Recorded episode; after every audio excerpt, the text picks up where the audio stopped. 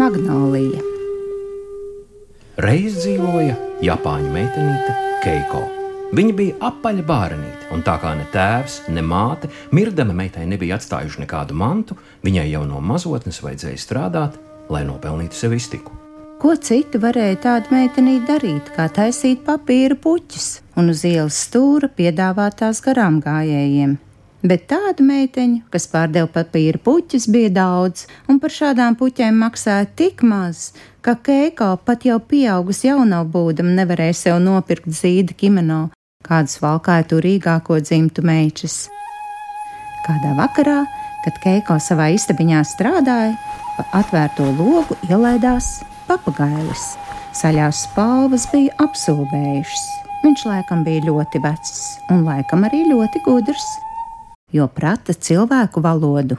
Nometies uz šķirmi malas pie Keiko guļamlāviņas, papagailis teica: Ja tu mani nepadzīsi, es tev atklāšu, kā tu varētu tikt pie bagātības. Mīļais papagaili, kāpēc lai es tevi padzītu? Keiko skumji pasmaidīja. Man nav neviena drauga, ar ko pārmīt vārdu, bet tu kā redzams, proti runāt, dzīvo pie manis un dalies manā nabadzībā, bet par bagātību labāk nedomāsim.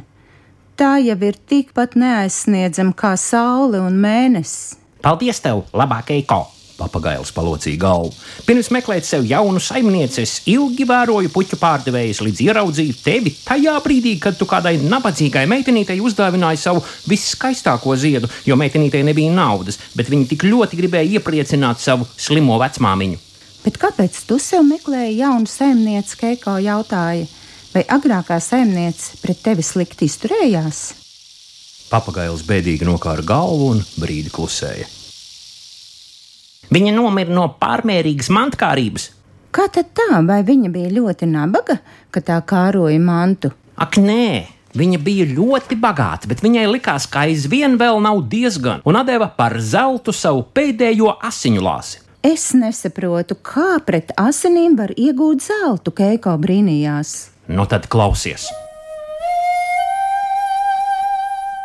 Arī mana saimniece pārdeva pašas taisītas papīra puķes, līdz viņai kāda burve atklāja noslēpumu, ka šādas puķes kļūst dzīvas, ja to kātiņu iemērts asiņu pilienā. Tu jau zini, cik dārgas ir dzīvās puķis, un tā mana saimniece ātri vien kļuva bagāta. Bet burve bija arī pateikusi, lai sargās iztērēt pašu pēdējo asiņu pilienu, jo bez tā vairs nevar saglabāt dzīvību. Nu, un Tu jau sapratīsi arī bez liekiem vārdiem. Viņai visa sakrātā likās par maz, un kad kāds ārzemnieks par pēdējo puķi piesolīja lielu naudu. Protams, ja puķei iedvesīšo dzīvību, mana saimniece neizturēja kārdinājumu. Pēc viņas nāves radi plēsdamies sadalīja atstāto zeltu. Kāpēc tu viņu nebrīdināji? Iesaucās Keiko. Vai tad cilvēki uzklausa brīdinājumus? Papagailis pārmetoši ieķērcās. Es viņu lūgtinu lūdzos, lai neizdara vislielāko muļķību, bet zini, ko viņa atbildēja? Man tavas papagaļa gudrības ir apnikušas, tā viņa man teica. Labais vecais putns dzīvo pie manis, un esi mans padomdevējs, Keiko lūdza, un papagailis jutās glaimots. Kad Keiko bija pārdevusi pirmās ar asinīm atdzīvinātās puķes, viņa vispirms nopirka sev skaistu zīda kimono un sandālus. Sakārtojusi melnos matus un iesprūdus tajos sarkanu rozi, viņa izgāja uz ielas un apstājās pie kāda loga. No tā uz viņu raudzījās skaista jaunava. Keiko pamāja tai ar galvu un skaistuli māja pretim.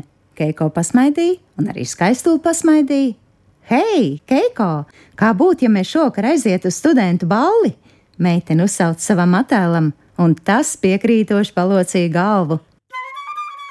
Viegliem soļiem Keiko steidzās līdz jauniešu straumē, un pirmo reizi nokļuvis spoži apgaismotās zālē, kur dejotāji lidinājās kā tauriņi un vaboles. Kāds jauneklis uzlūdza arī Keiko, un viņa dejoja laimīgi smaidīdama, jo tas bija vispatīkamākais puisis, un viņa vārds bija Aratumi. Keiko čukstēja ar tumī, tu esi skaista kā pusplaucis ķiršu zieds. Teic, kādā pilī tu dzīvo un kāpēc tu, tāda dišciltīga jaunava, esi atnākusi uz nabaga studentu balli? Keiko negribēja atzīties, ka pati ir nabadzīga meitene un dzīvo vislētākajā istabiņā, bet viņa iedomājās savu burvju mākslu un iztēlojās, cik bagāta var kļūt un kādu pili uzcelt sev. Pašai nemanot, Keiko bija savu sapni par pili izstāstījis jauneklim, kā īstenību, un kad viņa apklusa, ar tumī smagi nopūtās.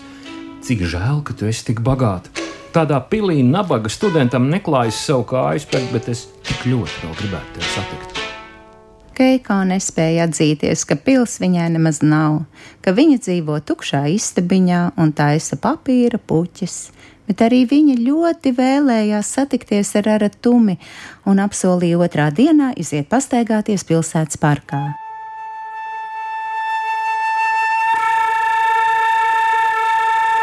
Vai gan daudz vajadzīgs, lai divi jauni cilvēki mīlētos? Vajag, lai viņi viens otru ieraudzītu starp daudziem, lai paskatītos acīs, lai viņš turētu viņas roku savējā un viņi justos laimīgi. Jau kuru reizi Keika un Aratumi bija satikušies parkā un roku rokā izstaigājuši visas celiņas, kad notika neizbēgamais. Viņu lūpas sastapās skūpstā. Keiko, mana Keiko, gabelēja Aratumi un pēkšņi sadrūma. Vai šis nebija mūsu šķiršanās skūpsts? Tavs tēvs taču neļaus tev apprecēt nabaga studentu. Keiko sāka raudāt un atzinās, ka pasakiņa par pili izdomājusi, ka īstenībā ir vienkārša meitene, kas darina papīra puķis un pārdod tās uz ielas stūriem. Ja viņa šajā brīdī būtu redzējusi, kā pārvērtās ar tumi seja, viņa nebūtu tam atklājusi savu noslēpumu bet tā kā viņa bija nokaunējusies un pievērusi acis, tad ar tumī noklausījās viņas stāstījumu un pakuva attapties. Viņš pat kļuva patiesi priecīgs, jo Keiko burvju māksla solīja neizmērojamu bagātību. Mazajai Keiko sākās darba pilnas dienas. Vajadzēja darināt daudz puķu, vajadzēja tās atdzīvināt un pārdot, lai nopirktu mājiņu, kur dzīvot pēc kāzām, lai nopirktu tepiķus, gleznas, porcelāna traukus, sev un jaunajam vīram jaunus tērpus. Keiko, vai tu neesi viegli prātīgi tik strauji tērēdama savas asinis? Kādā vakarā ieteicās papagailis. Ak, mans mīļais, labais draugs! Keiko sabužināja viņa galvu, kad Aratume pabeigs studijas, mums pietiks ar viņa algu un es varēšu atpūsties.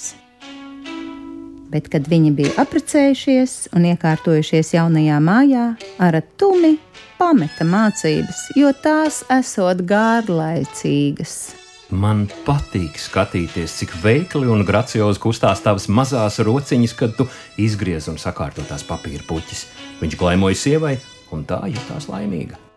Pēc dažiem gadiem Aratumī sāka likties, ka viņu mājiņa ir pārāk trūcīga. Visi mani studiju biedri dzīvo daudz greznāk, viņš teica sievai. Man pat nērt ar viņiem satikties.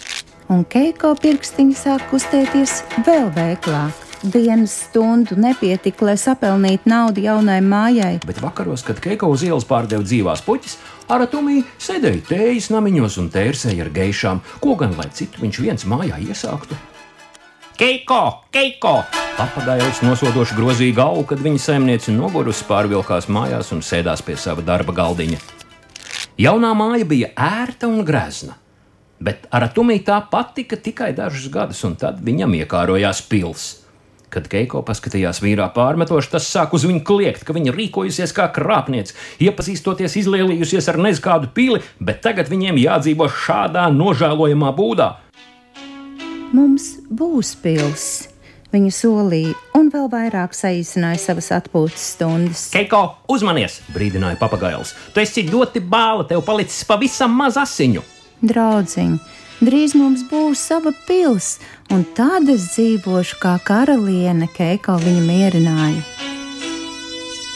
Vēsts par mazo puķu pārdevēju Keiko bija aizlidojusi pāri zemēm un okeāniem. No Francijas Japānā ieradās lielais puķu cienītājs Magnols, lai apbrīnotu Keiko darinājumus.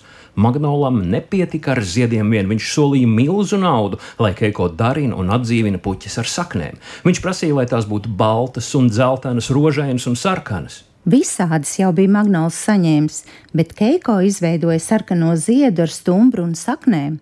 Bet viņa jutās tik nespēcīga, ka nevarēja sev iedurt pirkstā, lai iemērktu saknes asiņu pilienā.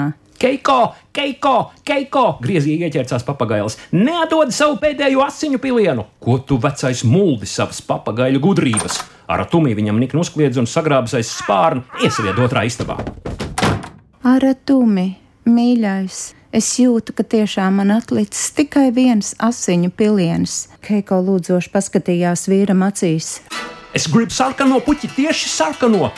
Magnols uztraucies, skaidroja: Es jums maksāšu ārprātīgu naudu, tikai atdzīviniet sarkano puķi!